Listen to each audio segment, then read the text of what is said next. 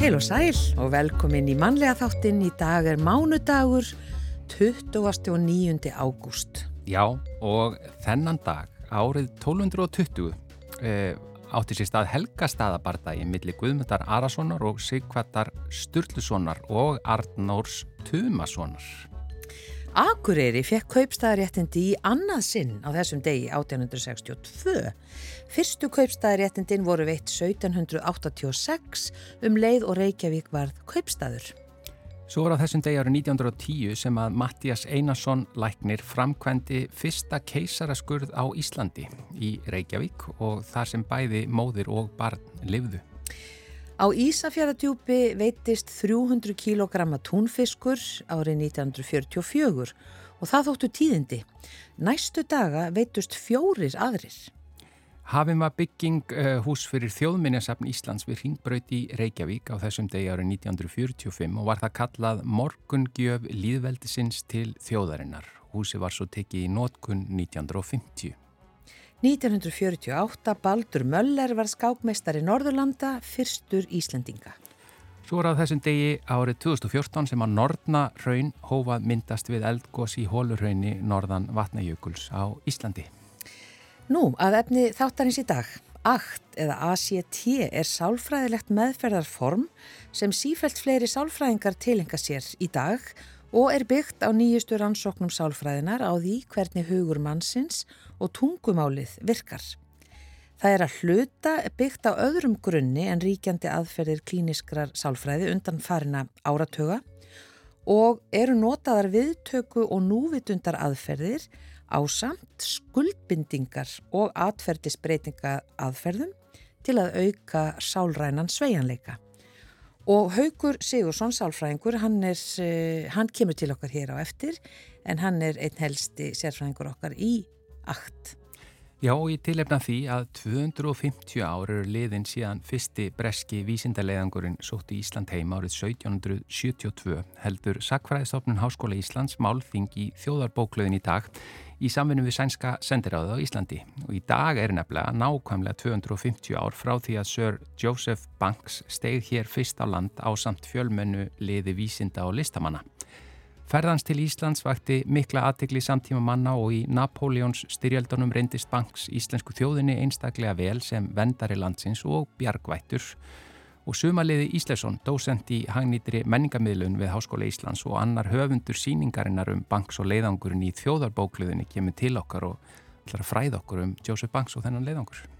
Og lesandi vikunars í dag er Anna Gunnarsdóttir, þýðandi landvörður og þýskukennari og við fáum að vita hvaða bækur hún hefur verið að lesa undanfarið og hvaða bækur og höfundar hafa haft mest áhrif á hana í gegnum tíðina. En við byrjum þáttinn á hljómsveitinni Þokkabót. Þetta er lægið Littlir kassar.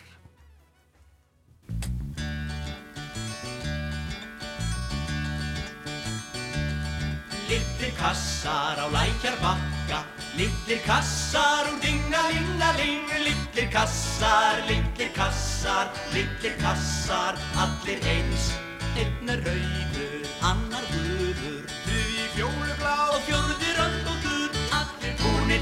dingalinga En það eru þeir allir eins Og í húsunum eiga heima Ungir námsmenn sem gangi háskóla sem lætur þá inn í litla kassa, litla kassa, alla eins.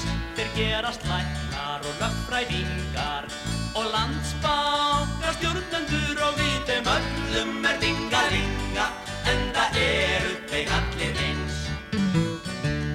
Þeir stundar sólgöð og sundaugarnar og sjúsa í nöstinu og eignast allir börn og buru og börnin eru skýrð og ferm og börnin eru send í sveitina. Og síðan vitt í háskólan sem lætur þau inn í litla kassa og út úr þeim koma allir eins. Og ungu mennirnir allir fara út í business og stopna heimili og svo er fjölskyldan sett í kassa, solla kassa, alla eins. Einn er rauður, annar gulur, þriði fjólublá og fjörði rönd og gur. Allir búnir til úr dingalinga, en það eru þeir allir eins. litlir kassar á lækjar bakka Litlir kassar úr dingalingaling Litlir kassar, litlir kassar, litlir kassar, allir eins. Litlir kassar á lækjar bakka Að lokum kæmast og fólk sem í þeim bjó. Er að sjálfsögðu sett í kassa svarta kassa og alla eins.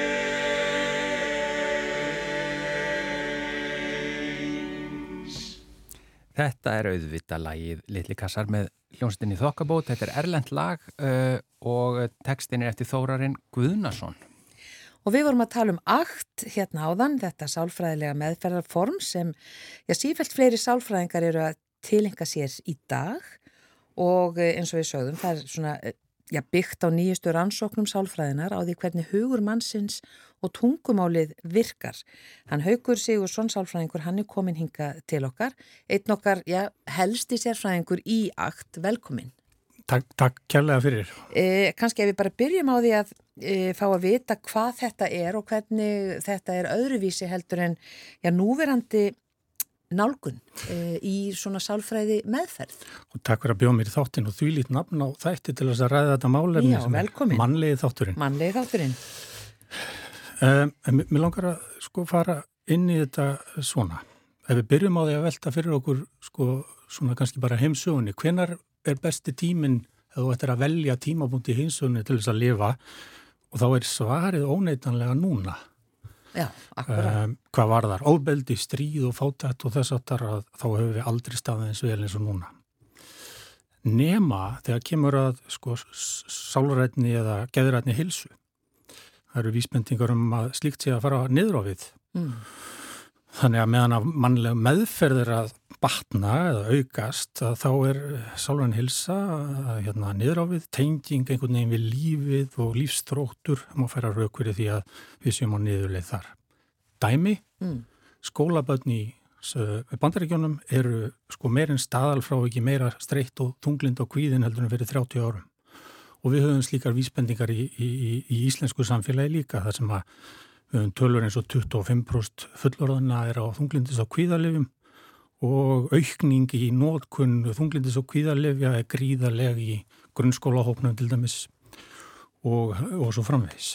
Já, En Þetta hvað er- hefur verið að gera sko allan þennan tíma uh, síðustu 50 árin þá höfum við verið að byggja okkar nálgun að sálrænum vandamálum sem við kallum á það sem ég ætla bara að kalla hérna svo kallega sjúkdómamótilið. Og það byggir á því að skilgarina einkenni uh, eins og heilkenna sjúkdóma, finna undirliggjandi ferli sem að liggja þar að baki og finna svo aðferði til þess að hreyfa við þessum ferlum svo við læknum sjúkdómana. En sjáu þið miðið er alltaf að draga úr einkennum. Við erum alltaf að mæla einkenni eins og kvíða, þunglindi, uh, óruglar og erfiðar hugsanir og, og þess að þar. Þannig að áherslan er að draga úr þessum fyrirbærum. þannig að það er ekki verið að hugsa um orsökina. Já, sko, menn voru að sjálfsögða að reyna að finna orsökina og hérna, en í þeirri bylgju sálfræðana sem ég hoppaði á fyrir, já, að verða 20 árum, þá uh, eru menn uh, að efast um það að árangurinn sé sem skildi byggt á þessari aðferðafræði. Þannig að það að um, leggja áherslu á að draga úr um, einkennum eins og þjáningu, óreglum hugsunum, erfiðum tilfinningum og svo framvegis að það er rauninni sé að íta undir mögulega það skadlegasta ferli sem að er að hérna, uh, uh, er undirliggjandi sem veldur okkur hvað mest er þjáningu í lífunu og ég ætla að útskýra þetta rétt á eittir. Þannig að um, þannig að vísindin hafa í rauninni kent okkur Mm. að hluta til óviljandi að ef lífið er erfitt þá er eitthvað að okkur. Þannig að aðferðin er einhvern veginn að flokka þessa þjáningu og skilabúðin eru svolítið, bæði lengt og ljóst að þú getur orðið eðlileg mannesti að þú losnar við þessar erfiðar hugsanir og tilfinningar. Og um, að það sem að okkur sínist og samkvæmt rannsóknum undan hana 20 ára er að þetta einfallega virkar ekki. Og við getum um, bæði notað þá aðferð að uh, útskýra þetta uh, út frá hugmyndafræðinni en við getum líka uh, eins og við gerum í aktmeðferðinni mikið nota það sem við kallum upplifunaræfingar til þess að sína fram á þetta og við getum gert örlittla ræfingar núna. Eru þið til í það? Ég, ég veit það ekki. Já, við sjáum. Vi, við sjáum til. Þetta tekur stuttan tíma og er bara svona brot svona af því sem að kannski og, og dæmum það sem við gerum. Ég veit að uh, eftir örskama stund að þá munir þau hugsa ákveðna hugsun, ákveð orð. Mm. Og uh, þið ráðið ekkert um það hvort að þetta orð poppar upp í huganum ykkar eða ekki. Er þið tilbúin? Já, nú er ég mjög forvitin. Hanni, krummi, hundur. Svín. Já. Já. Og það poppaði bara upp í hugan átumátist ekki satt, sjálfvirt, eh, því ráðið ekki til það. Ímyndum okkur að orðið svínuna, eða hugsunin svín, sé eins og erfið hugsun sem eru með um lífið sjálfi ykkur og svo framvegis. Setjum okkur það stellingar að hugsa alls ekki um svín. Mm. Ef þið reynir núna af öllum mætti að hugsa alls ekki um svín, hvað gerist? Það hugsaðu bara um svín. Hugsaðu um svín. Þið fyllist að svínum ekki satt. Jú, svolítið, jú. Þannig að þess til dæmis einfalda uh, æfinga, hún sínir okkur kannski með bara í upplifun hvernig það virkar að setja pressu á mannskefnuna að eigða út um, þessum, þessum, þessum að við e, höfum tilningu til að flokka sem, um, sem slæmar hugsanir, sem slæmar tilfinningar hvað gerist líka ef við reynum að öllum mætti að finna ekki fyrir kvíðanum sem við erum að kvíða augnabli. Mm. Á mögulega eikst hann. Já. Akkurat. Þannig að þetta er það sem akt byggir á. Það, það notar tungumálið. Já, sko grunnrannsóknar baki akt að það byggja á uh, rannsóknum, byggja á skoðunum á því hvernig tungumáli virkar og við hefum kannski ekki tíma í dag til þess að fara uh, grúndíkt ofan í það En í stuttum máli að þá eru við að sjá að hugurinn uh, þróaðist til dæmis um, virðist vera fyrst sem eins og einfalt tákkerfi sem gerur okkur kleift að gera hvað, gera það sem við erum að gera núna, tala saman sem er stórkoslegt. Mm. Þegar að uh, leið á þrónasöguna þá virðist þetta kerfi hafa þróast meira úti þegar að verða að um, í líkisustundum við reiknivél. En hún er að stæstum hlutu til sjálfvirk og hún er stöðugt að reikna og reikna og reikna og reyna að leysa þarna vandamál og hvert beinir hugurinn okkar að hvaða viðfóngsefnum takið eftir. Mjög ofta fortíðinni, það var eitthvað sem er uh, betra eða verra í fortíðinni samanborið við nútíðina og hugurinn fyrir reyna að leysa þetta. Hann beinist að framtíðinni, hvað er að fara að gerast, verður oft leikil spurningin þar. Og við finnum okkur fara einhvern veginn inn í þessa þessa hugar heima þar sem við erum að reyna að finna út úr þessu. Við getum spurt okkur einfaldra spurninga, tekið eftir því hér og nú. Er hægt að svara þeirri spurningu hvað gerist í framtíðinni? Nei, nei. Það er ekki hægt að vita það. En inn í þessu festumstuð um, um, uh, þessum, þessum, þessum rikningi uh, uh, og leita svörum sem að, uh, er í rauninni ekki hægt að, að, að finna. Mm.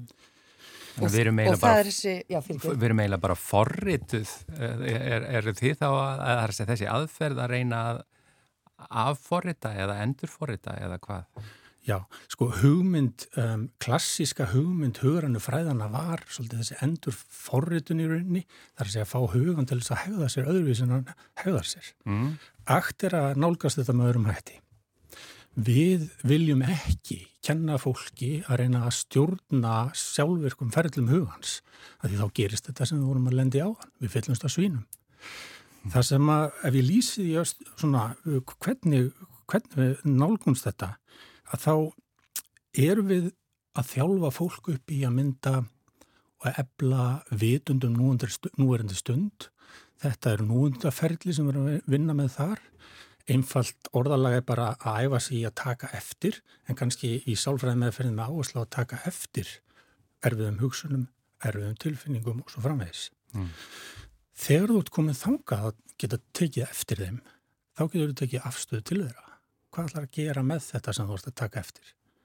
Og þar finnum við að við getum haft val um það hvort að við reynum til dæmis að íta þeim í burtuð ekki, hvort að við reynum að nota þessar hugsanir til þess að finna út úr þessu ekki og, og uh, grunnferðlið þarna sem við erum að reyna að koma fólki inn í er að vera með því sem að er þarna innra með okkur.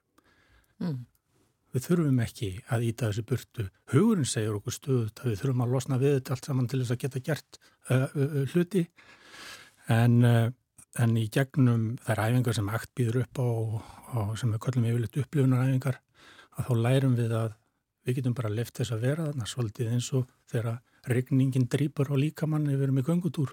Við getum bara gengið á meðan en left regninguna regna okkur Já, en er og þetta, ég fyrir ekki, svo ólíkt því eða þeirri nálgun sem er í dag? Það er ímislegt náttúrulega gangi í dag og akt er ekki, uh, sko, akt er partur af stærri bylgi sem að fóra á stað fyrir 20-30 árum og, og hérna Þannig að það eru fleiri aðferðir á þessum bát en hinn klassíska aðferðin sem við talum á þann byggir á þessu sjútómóteli og hún einhvern veginn lengt og ljóst beinir okkur inn í það að mynda í rauninu ósátt við það hvað við erum að upplifa einar með okkur á hverju stundu. Mm. En ef ég má hérna, koma svo að því að þegar þú ert búin að þjálfa upp þessa færðni að taka eftir, taka eftir hugsunum, taka eftir tilfinningum, leifa þeim að vera það sem þar eru um, þá getur við beint aðteglinni annað og hvert viljum við beina aðteglinni? Beina aðteglinni inn í að virkja manneskjuna í heild til þess að reyfa sig áfram í lífinu uh, hegða sér með þeim hætti sem að bætir lífið, fyllir lífið fyllir lífið jafnvel tilgangi og hérna þannig að, þannig að svo virkjun að hún á, og við leggjum það til við stjórnstæðinga okkar að hún byggja á því sem að skiptir viðkomandi mestu máli. Annað orðið við það eru gildi. Þannig að þar er líka mikið unnið í, í, í aktmeðferða að, uh, að hjálpa fólki að finna gildin sín, að hjálpa fólki að finna það sem skiptir það mestu máli. Og svo er áhugavert að skoða þar mm. að þegar við skoðum það sem skiptir okkur mestu máli og, og erum í leiðinni í jaktmeðferða eins og að berskjálta okkur kakvar tjáningunni og lefa okkur að vera með henni. En þá fyrir við að finna að þetta er nátengt. Hvar þjáust við mest? Við þjáumst mest og finnum mest til í samingi við eitthvað sem skiptur okkur mestu máli í lífinu. Eftir því sem við elskum meira, þá finnum við meira til. En, en, en uh, trublandi ferli sem ég var að tala um á, það beinir okkur inn í að forðast þjáninguna og hvað gerist í leðinni við forðumst það sem skiptir okkur mestu máli í lífunu. Aðteglisvert. Þetta er sem sagt uh, smá svona insýn inn í, inn í uh, þetta sálfræðilega meðferðarform sem er kallað ACT eða Acceptance and Commitment Therapy. Og en, eins og þú segir það eru sífælt fleiri sálfræðingar að tilengja sér þetta í dag. Kæra það ekki fyrir að ég veit okkur þessa einsýn Haukur, Í mannlega þættinum. Í mannlega þættinum, takk Já, Haukur Sigursson, sálfræðingur. Takk fyrir. Takk svo vel eðis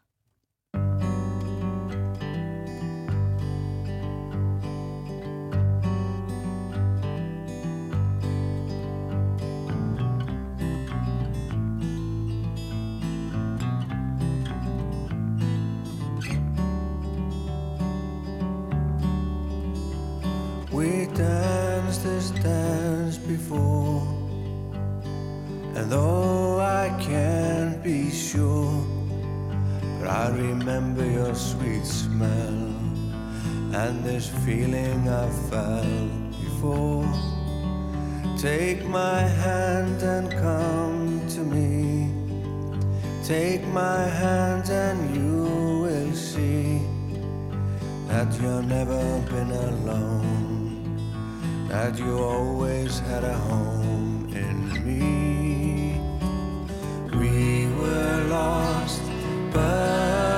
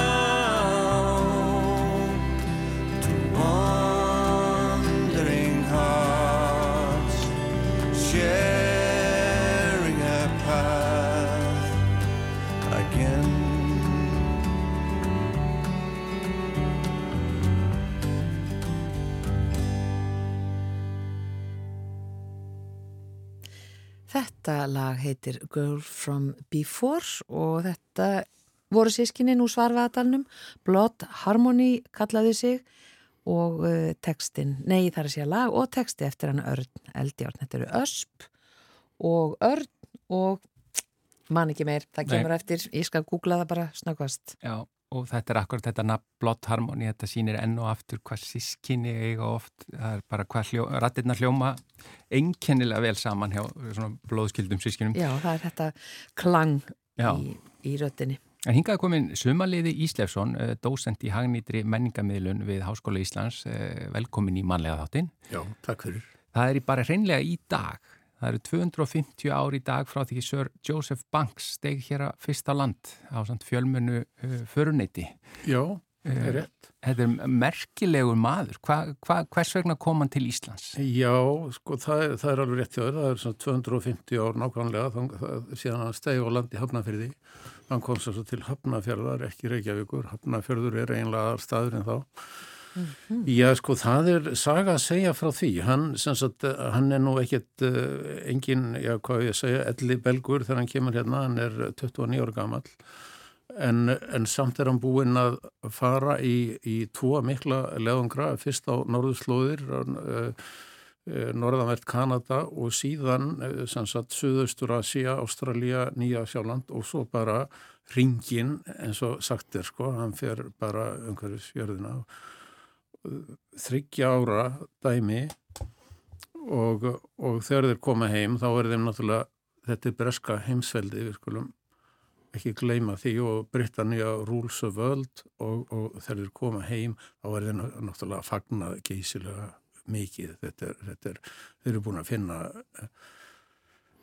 finna ný lönd uh, uh, áhugaverð svæði fyrir hinsveldið og, og, og komið með allt mögulegt uh, minjar uh, myndir uh, þekkingu handrit og, og þannig að, að, að þeim er sannlega, sannlega vel tekið þegar þeir koma heim. En sko, hann fór í þáferð, þessa stóru ferð með James Cook. Jú. Og átt að fara möguleg í aðra ferð með honum, en það fór nú ekki þannig. Eh, Sko, nei, Cook fer í tvær ferðir eftir þetta. Það er strax byrjað að undibúa næstu ferðina sem átt að vera, samsagt, 1772 Mm. og Banks átt að fara með og átt að sjá þar um ákveðin hluta rannsókna, vantanlega plönturíki og, og eitthvað fleira, ég veit ekki alveg nákvæmlega hvað það var og hann er svo búin að ráða mannskap. Og þannig séð allt tilbúið. Uh, skipi, það er búið að ákvæða hvað skip þetta er en þegar hann fer að kanna aðstæður að þá líst honum ekki á blikuna. ekki á skipakostin, þetta var ekki nú... Nei, nei, hann er náttúrulega bara góðu vanur, það er nú hérna ekki oft djúft í árin að tekja að segja það, hann er vellauður, hann er vellauður fólki og, og, og svo er hann náttúrulega bara ungu ríkur man, maður sem að er vanar því að, að, að það sé bara það sé bara tekið tillit til þess sem hann vill sko. Já, Já. og, og hvað gerir maður ef að maður fær ekki því frangengt sem að maður sem maður vill að sé? Þá, þá bara þá bara hætti maður við. Og fer bara á, á eiguna í norður Allandshafi sem að ekki margir höfðu farið á. Nei, nei. Nei, nei, hann, hann náttúrulega pælir í því. Hvað hann að gera við allan mannskap? Hann er búin að ráða fullt af fólki. Mm og hvað, hvað, hvað, hvað á hann að gera? Og hann bara að segja mannskapnum upp og, og þetta er náttúrulega þetta er líka sært stolt. Já, þið vitið. Já, þarna er náttúrulega það er aðal málið að fara aftur með kúk. Já, en hvað á ég að gera með 20 manns og hérna og, og, og heiðurinn og, og, og ég menna þeir bara ákveða að fara til Íslands. eh, Já, það er hann svona einhvern veginn um, velti fyrir sér hvað er hvert er þetta fara sem er ekki of langt Já, það var líka liðið á sumarið ekki satt. Jú, jú, það er nú, ég veit nú ekki alveg hvenar svona þessi átök eiga sér stað en það er, það, jú, jú, það er, það er eitthvað daldið líðið á sumar og, og, uh, og Ísland vekur áhuga hans og það er ekkit skrítið, það er, um, hann hefur áhuga á, á náttúruvísindum, uh, jarðfræði og, og, og, og hvað er Ísland þekkt fyrir? Já, það, það, Íslandi er þekkt fyrir það. Einhverjir hafa hýrt af geysi en, en, en margir hafa náttúrulega hýrt af eldsambrótum já, við vitið, það er það sem að Ísland er þekkt fyrir. Og það auðvitað kveikir á perunni hjá hann Ísland við förum þangað. Já, og hann leir skip og hann hefur þá vendarlega leikt skipið uh, og komið málum þannig fyrir að, að þetta væri ásættanlegur aðbúnaður Já, já, það er nú gott að það fór vel fyrir hann. en þeir koma það seint til landsins að það er í rauninni farfuglarnir eru farnir, það er engin Já. eldsumbrott. Jú, jú, sko ástæðin er líka svo að þeir sko er ekkert að flýta sér. Já, Þeir, þeir koma fyrst við á skosku eiginum og, og eru þar bara í tölverðan tíma og eru svona að, að uppgötva þar svona að eiginsögn allt mögulegt. Þið vitið að, að, að, að þessir náungar þeir eru náttúrulega innan eigin lands en, en þeir eru kannski ekkit endilega að ferðast mikið þar. mm þeir, þeir eh, en, en sem sagt, svo halda þeir áfram og, og jú, jú, við það skuldi að landlið og sumar, sumar, það er 29. ágúst og við vitum ekki hvort að það haust allar að verða eins gott og hausti núna, sjáu því það Já, er, já. það er við vitum það ekki og þeir koma þarna til Hafnafjörðar og hvað, og hvað svo? Hvað er það sem þeir Já, upplifa hér? já, sko, fyrst hefur nú verið að koma sér fyrir og það, er- þeir fá inn í Verslunarhúsi og, og svo er sem sagt að eh, svo er að koma sér niður á hvað á að gera og, og það er náttúrulega ekki þetta að skoða planturíki mikið þegar að, að svona áleiðið er. Jú, að einhverju leiti kannski en, en, en aðalmálið verður þá að fara austur að heklu og það er það sem þeir undirbúa og, og gera svo og, og þeir fara svo þennan ring nánast sem að við köllum gullna eh, hérna ringin -hmm. uh, þeir fara sem sagt eh, þingvelli uh, geysi og heklu. Þeir taka ekki gullfoss af því að ferðamenn eiginlega vissu ekki af gullfossi fyrir en bara hundra árum síðar það var einhvern veginn þannig en, en þeir fara sem sagt eh, þessar slóðir og þeir eh, klífa heklu halda þessi fyrstir þar upp en það voru þeir ekki Nei.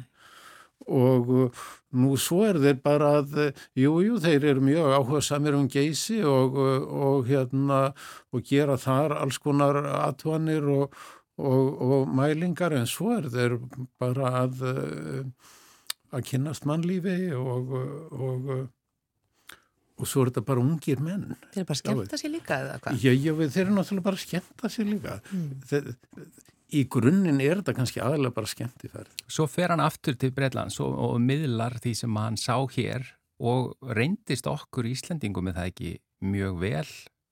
Jú, jú, jú, sko, hann er náttúrulega, hann er sem þetta ekki einn eins og ég nefndi, sko, það eru 20 manns í, í sko, í, það eru 20 manns í, í hérna, í uh, svona rannsóknarhópnum eða, eða sem sagt aðstofamenn, það eru 20, 19 mm. aðstofamenn og svo er á, skipsáhöfnin og þrýr af þeim eru myndlistamenn og hvað gera þeir? Þeir eru einlega bara eins og ljósmyndarar sem að fylgja núna svona leðungrum. Þeir bara tekna upp uh, hérna náttúru uh, far, það er nú reyndar sko það er ekkert mjög mikið af þannig myndum, það eru aðalega myndir af, af húsum og svona hvernig Íslandingar búa og svo eru mjög þekktar myndir af skálholti eh, því munið eftir þúsundkallin munið ekki eftir þúsundkallin með að kannski allir búin að gleyma hann þeim gamla. Þeim gamla með mynd af Einmitt. og það er nákvæmlega mynd sem að er eftir eða sem sagt er unnin eftir einn af þessum leðangursmönnum mm og þetta er náttúrulega það sem þeir taka með sér. Og svo er einn leiðangorsmanna sem er Uno von Troil, hann er sænskur og hann hefur það hlutverk að skrá leiðangurinn og það gerir hann svika löst og, og, og sagt, skrifar síðan bók sem að kemur út af sænsku fyrst 1777 Eh, bref rörandi en resa til Ísland eh, heitir hún og hún er þýtt á mörgtungumálunu, þýtt á þísku, fransku, ennsku, hollensku og þetta verður bara aðal bókin um Ísland næstu áratvíina. Það er það sem fólk veit um Ísland, það, það hefur það úr þessari bók. Já. Þannig eru komnir svona hennir fyrstu almennilu Íslandsvinir. Já, já, já, já þegar maður segja almennilega frá sko og þetta er allt öðruvísi frásögn heldur en höfðu verið eiginlega fram með þessu. Já. Uh, nú en svo kannski fyrir tíman að verða búin eða hvað Já, styrtist í þessu því hann reyndist já, okkur vel í kæ Já, jú, svo er sem sagt löngu setna uh, 40 ána setna þá hérna þá sem sagt eh, er hér eh, vesen og, og stríð. Danir uh, leiðast inn í Napoleons styrjaldirnar uh, 1807 uh, það siglingar lokast til Íslands. Kaupskipin eru tekin en, en fyrir millugöngu Magnúsar Stefensens hann hefur samband við banks og banksliðkar fyrir um það að skipin eða sem sagt að það verði verslun við Ísland uh, sem sagt meðan stríðustendur og það, það verður svo, það er áfram versla uh, eða sem sagt áfram berast nöðsynjar til Íslands og það skiptir auðvitað alveg gríðalög máli. Já. Þetta málþing er að núna klukkan eitt já, uh, bara, í þjóðabókluðinni, þannig að fólk já. sem hefur áhuga á að kynna sér þetta enn betur, það er nú bara langur listi af, af fólki að halda erindi og þarna kemur meðal annars fram fórstísar á þeirra og og rektor. Jú, jú, hann ætlar að bjóða uh, velkomin og já, já, emitt og, og þannig eru, sko, þannig eru tveir erlendir fræðimenn og, og, og fjórir íslenskir og hérna og tekið svona fyrir tekna fyrir svona alls konar hlýðar á þessu efni og, og, og sumar hlýðar sem að, að hafi ekki verið rættar þannig séð sko það er, það er, það er hefur kannski verið farið mikið og ný svona sömnt að þessum gögnum eins og, eins og þessum plöntu hérna dokumentasjónum og, og slíkum gögnum sjáu því þannig að, að hérna að að þetta, ég, ég get, ég get sko lofa því að þetta verður mjög áhugavert. Ekki spurning. Klukkan eitt í þjóðabókleðinni og svo auðvitað bendu við á, á síninguna sem þú ert ásand Önnu Agnarsdóttur höfundur að sem að minnist eh, Joseph Banks og þessa leiðangus sem að hægt er að sjá þar. Eh, Sumaliði Íslesson, dósend í hagnýtri menningamöðlun við Háskóli Íslands, þakka þér innilega fyrir að fræða okkur um Joseph Banks. Já, takk sem leiðskjala fyrir að... Jú.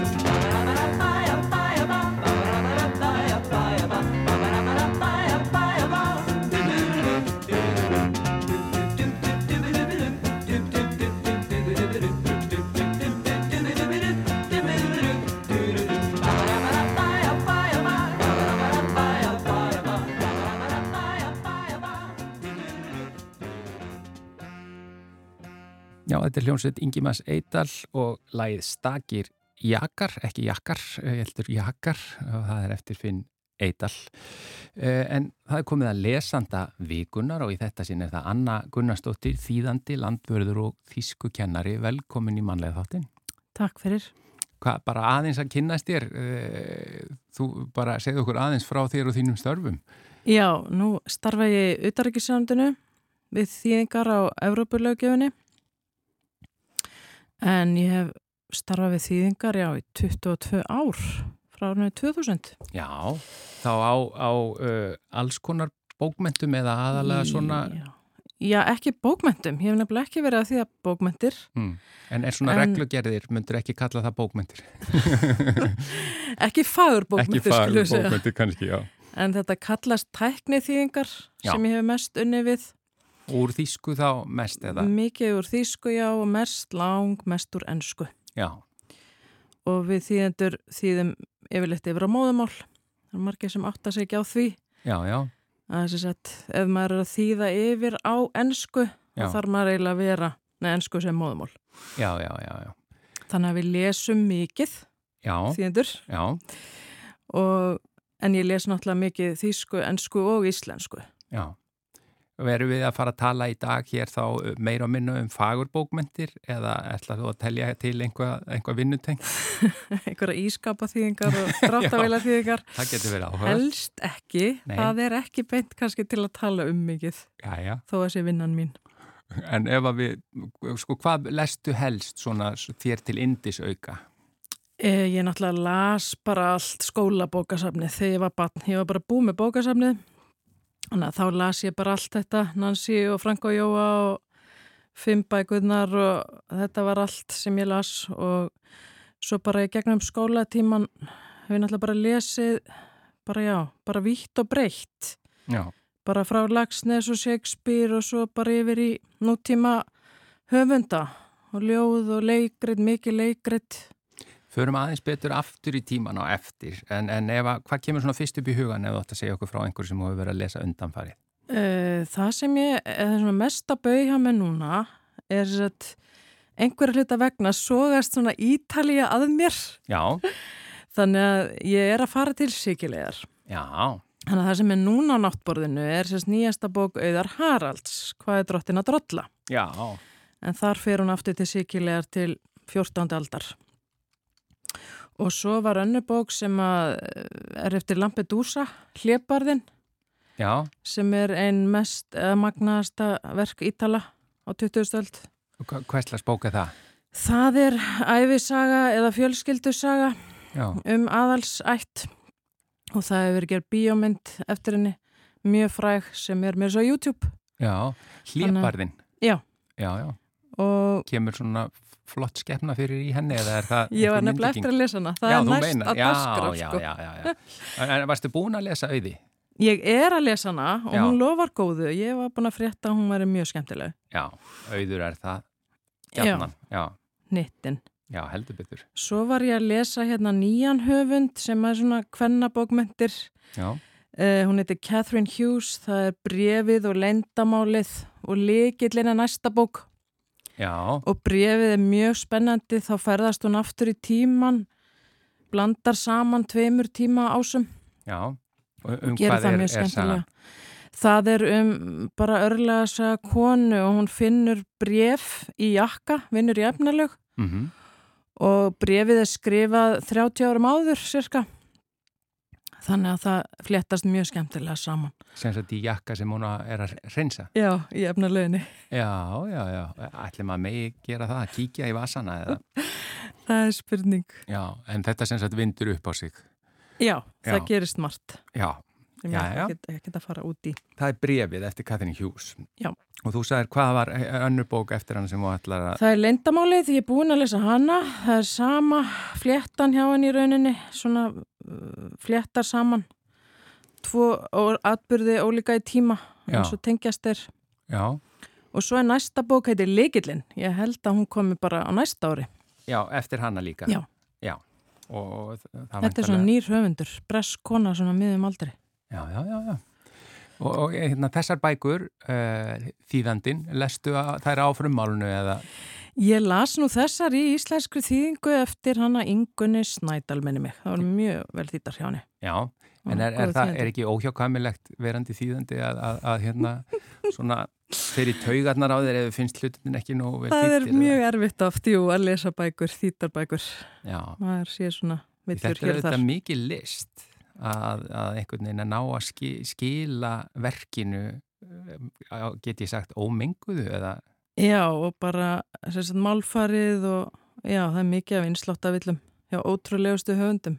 Bara, ert að meina hérna við á, á, frum, á frummálinu eða nei, nei, Nei, í íslensku þýðingunum. Sko. Já, einmitt Þannig, Þannig að við tölum um þetta, sko. Já, já, verðum með svona Tíðindur. einhverja spjallgrúpur að benda á og eitthvað slíkt Já, já, Við pælum mikið í þessu. já en það mega vantalega ekki vera einsláttavillur í, í Evrópu uh, einhverjum löggjöfum sem þú út að þýða Nei, Það það, getur afdrifaríkt. öllu, sko. Já, mér sé að koma á raungum stað og eitthvað svona Já, með innistæði tryggingar, æseg og svo leiðis, þá vilt ekki hafa komin á vittlesu stað. Nei, þá er uh, einmitt en kannski ekki vera heldur eitthvað svakalega skáldleg Nei, það er alveg bannað. Það er bannað Ertu með fleiri bækur?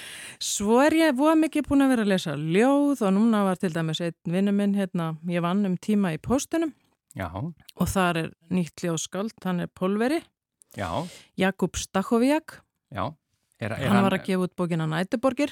er hann sko, hérna, býr hann á Íslandi? Eða?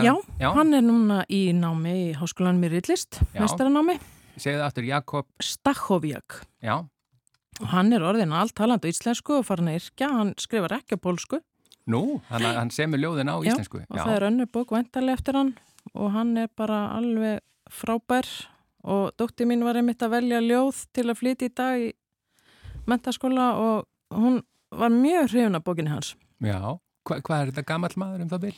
Hann er svona tæplega þrítur, Já, hann heitlaðist að Björk, hann var áttara, Sko, eins og ég, ég mjög hrifun af textunum hennar. já, og hvernig ljóðin hans eru þá Það er svona mikið ástarljóð. Já, og bara um lífið og tilveruna og rigninguna og gangstéttina og bara allt milli heimis og jarðar. Þú ættir að fá hann til þín. já, ég það bara eh, greinilega Hann meina, les mjög mikið. Hvað hefur hann verið lengi á Íslandi, segir Hann er búin að vera hérna hvað, í 5-6 ár. Ekki lengur þó Nei. og er farin að skrifa ljóð á Íslandi Við vorum alltaf í kaffetímanum bara að tala um lárperur og eggaldinn og Já, ég var alltaf að hjálpa honum með orð.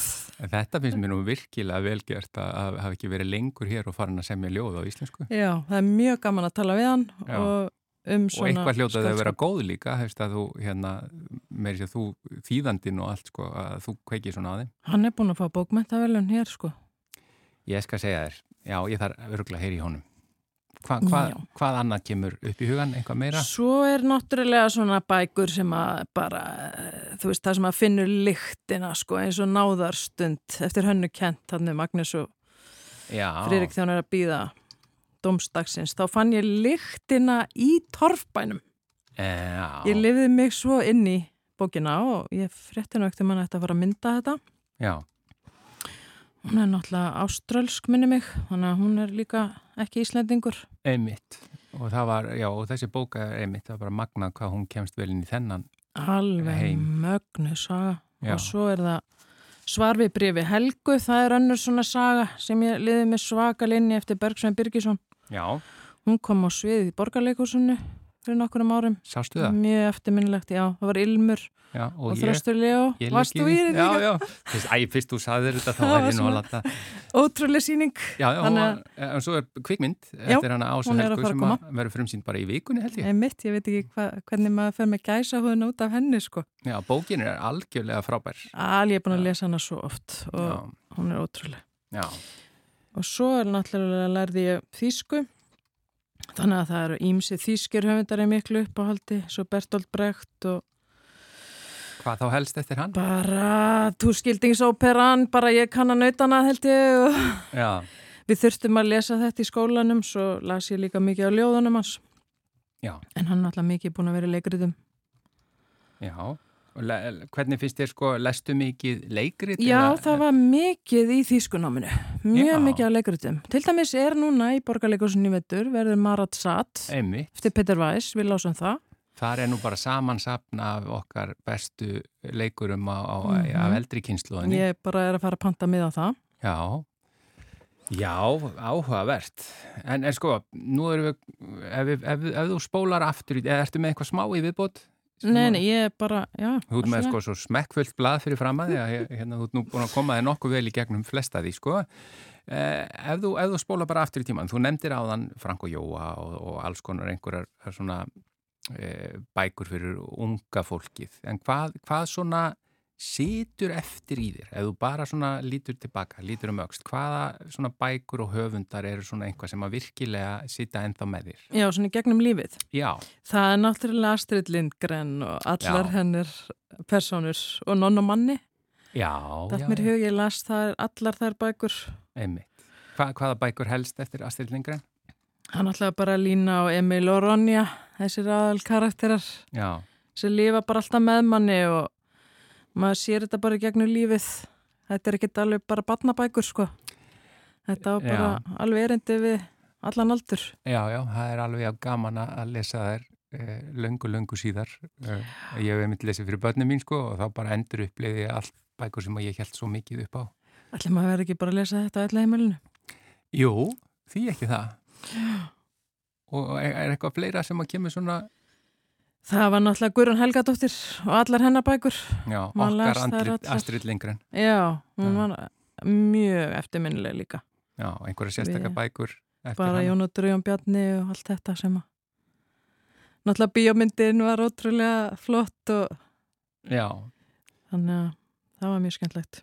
já, heiðu Anna Gunnarsdóttir, lesandi vikunar. Ég bara get ekki annað en þakka þér innilega fyrir eh, að vera lesandi vikunar í þetta sinn og bara takk fyrir að koma. Takk fyrir mig. Ég röldi niður lauga veg Örlitli fætur tifa með Samtími samliða við svíum Í takt við sólaljósin söngu Í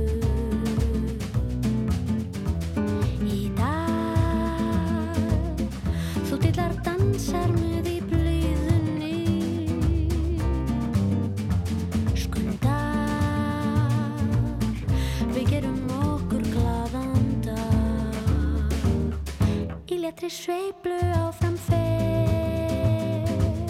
Smitandi gleðin fylgir þér.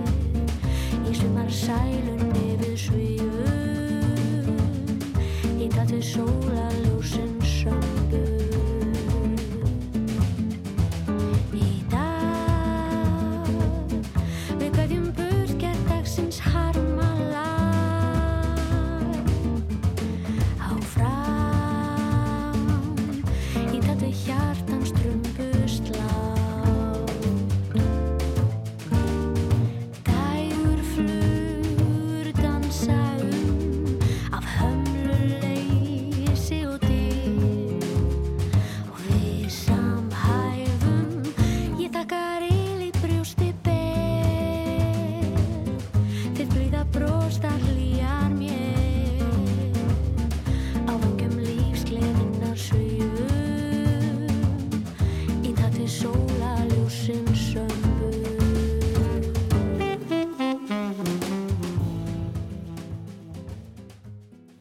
Já, þetta er Rebecca Blöndal uh, með lag sem heitir Sólar Samban.